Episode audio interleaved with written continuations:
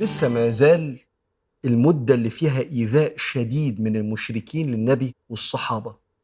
وتطلع شوية كلمات كده يحاولوا إن هم يشوشوا بيها على دعوة النبي عليه الصلاة والسلام. فيجي الولي الوليد بن المغيرة وهو واحد من كبار عظماء قريش يقول أينزل الوحي على محمد ويتركني ربي أو يترك عروة بن مسعود الثقفي سيد ثقيف؟ بقى النبوة تنزل على محمد وأنا ما تجينيش النبوة أو حتى عروة بن مسعود سيد ثقيف؟ وينزل القرآن. وقالوا لولا نزل هذا القرآن على رجل من القريتين عظيم الوليد بن المغيرة أو عروة بن مسعود فربنا يقول إيه؟ أهم يقسمون رحمة ربك؟ نحن قسمنا بينهم معيشتهم في الحياة الدنيا. ربنا سبحانه وتعالى هو اللي يقسم مين النبي ومين الولي ومين المؤمن ومين غير المؤمن يفعل ما يريد سبحانه وتعالى. لكن من المشاهد وأنا حابب إن حضراتكم تعرفوا المعلومات دي وأسباب نزول الآيات دي على النبي في مكة عليه الصلاة والسلام. مشاهد الصعبة جدا. يوم ما أبو جهل في وسط العشيرة بتاعته اعتبر إن الكعبة قدامك وحواليها زي أماكن كده الناس بتجلس فيها كده إيه في مشاهدة الكعبة. كلهم مشركين. فأبو جهل بيقول لهم لو جاء محمد ليصلي عند الكعبة والله لأطأن عنقه برجلي ولأعفرن وجهه في التراب. فجه سيدنا النبي. الله أكبر عليه الصلاة والسلام. يسجد عند الكعبة ويصلي. قام أبو جهل عشان ينفذ كلامه قدام الرجالة. لسه هيقرب من النبي. لقوه عمال بيعمل كده وبيرجع لورا وهو مرعوب. مالك يا أبو جهل؟ رأيت بيني وبينه خندقا من نار.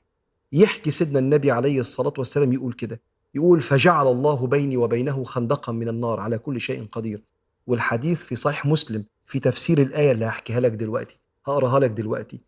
والله لو اقترب مني لتخطفته الملائكة عضوا عضوا. فنزل القرآن. أرأيت الذي ينهى عبدا إذا صلى؟ أرأيت إن كان على الهدى سيدنا محمد أو أمر بالتقوى؟ أرأيت إن كذب وتولى أبو جهل؟ ألم يعلم بأن الله يرى؟ كلا لئن لم ينتهي لنسفعا بالناصية. الناصية مقدمة الرأس كده بالشعر. ناصية كاذبة خاطئة. فليدعو ناديه. مش أبو جهل بيقول عندي رجالة وهأذي النبي فليدعو ناديه. سندعو الزبانية خزنة النار ملائكة النار.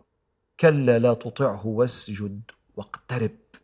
لكن المشهد العجيب اللي حصل في الوقت ده إن أربعة من كبار المشركين من جوه قلبهم متأثرين بقرآن النبي.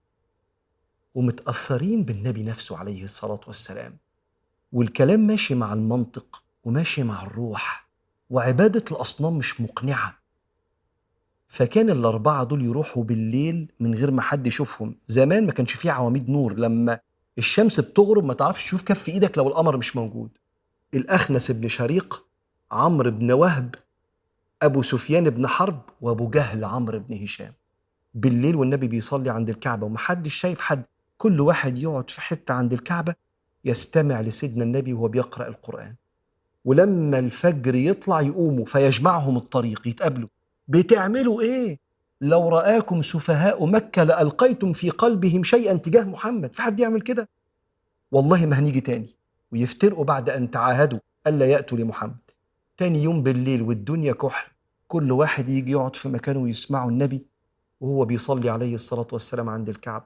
فإذا خرج الصبح جمعهم الطريق فتلاوموا وتعاتبوا وتعاهدوا ألا يعودوا مرة أخرى. ثالث يوم يروحوا كل واحد في مكانه بالليل يسمعوا النبي عليه الصلاة والسلام.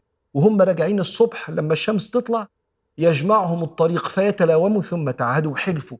والله ما هنروح ده إحنا هنفتن قريش كده وهيأمنوا لما يشوفوا الكبار متأثرين بقرآن النبي عليه الصلاة والسلام.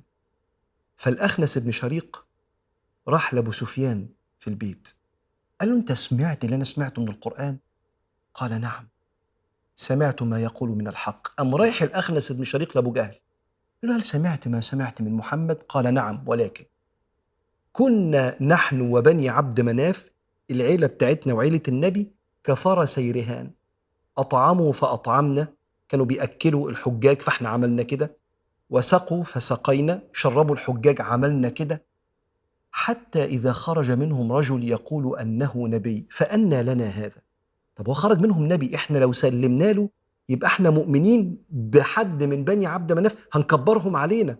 فوالله لا نتركها لهم أبدا. مستحيل أقول له للنبي لحسن العيلة كده يبقى ليها كعب علينا تعلى علينا. شفت سبب رفض أبو جهل للإيمان؟ مش إنه مش مقتنع بسيدنا محمد إنه متكبر. عشان كده أبو جهل ده عالق في ذهن الناس بذكريات مش حلوة لأنه من جواه مش صافي مش إنسان بيدور على الحق. ده أنت لسه مكمل القصة معايا وهتشوف كبره على سيدنا النبي عليه الصلاة والسلام. ولكن تعالوا نكمل يوم ورا يوم في نور النبي. مشهد استماع المشركين لسيدنا رسول الله يوم ورا التاني ورا التالت وعدم قدرتهم على مقاومة أنوار النبي وجمال القرآن يشرح لك قد إيه البني آدم بيخش في صراع ما بين شهواته وما بين فطرته الطبيعية وهنا القرار. إنا هديناه السبيل. ربنا مش هيسيب حد إلا لما يوريله طريقه. إنا هديناه السبيل إما شاكرا وإما كفورا. الأربع مشركين دول كانوا بيسمعوا القرآن من سيدنا محمد عند الحرم. فأنت متخيل الأنوار اللي بتغزو القلوب؟ عشان كده النهارده وبكره وبعده وبعده؟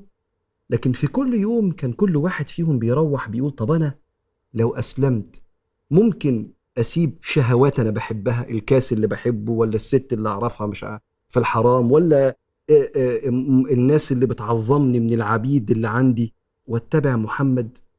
فكأن في حتة كده مقارنة ما بين الشهوة الحاضرة والنعيم اللي فيه معاني. جوه القلب. القلب اللي بيبقى ميت من غير المعاني اللي بتوصل لربنا وبيقعد يسكت المواد ده عشان يعدي الأيام بالكاس والخروجة والضحكة اللي على أسرار الخلق وغيبة الناس ومعرفة بواطن الأمور والاطلاع على العورات. الحاجات الممتعة دي اللي بتبقى بديل للروحانيات اللي الإنسان بيسكن ويبقى مطمئن للبشر بيدفعوا اللي وراهم واللي قدامهم عشان لحظة سكينة. فالأربعة دول لما بيسمعوا النبي كل يوم ورا بعض هو هو قاعد حاسس بحاجة حتة من الجنة. أنزل الله سكينته على رسوله وعلى المؤمنين. السكينة بتنزل على الشخص اللي بيروح كده في طريق ربنا كده.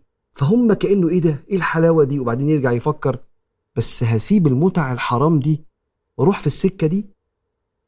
إحنا بقى لما يحصل كده في حياتنا وإحنا مسلمين موحدين افتكر إن ديننا فيه سعة إنك تعرف تنبسط بشهوات كتير قوي حلال مع المتعة الروحانية اللي فيها السكينة والطمأنينة ويبقى قلبي مطمن أعرف أقابل ربنا في أي وقت ودي ده شعور من الجنة ربنا راضي عني.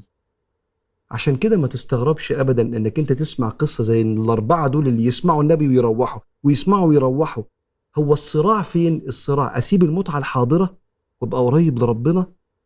ولا لا خليني في المتعة الحاضرة. ربنا ما عندوش السعادة اللي أنا عارف أحققها. لو عرفت تجاوب على السؤال ده وتنصف ربك في قلبك قلبك هينور وتقرب وأنت مطمن وتستمتع بالدنيا كمان.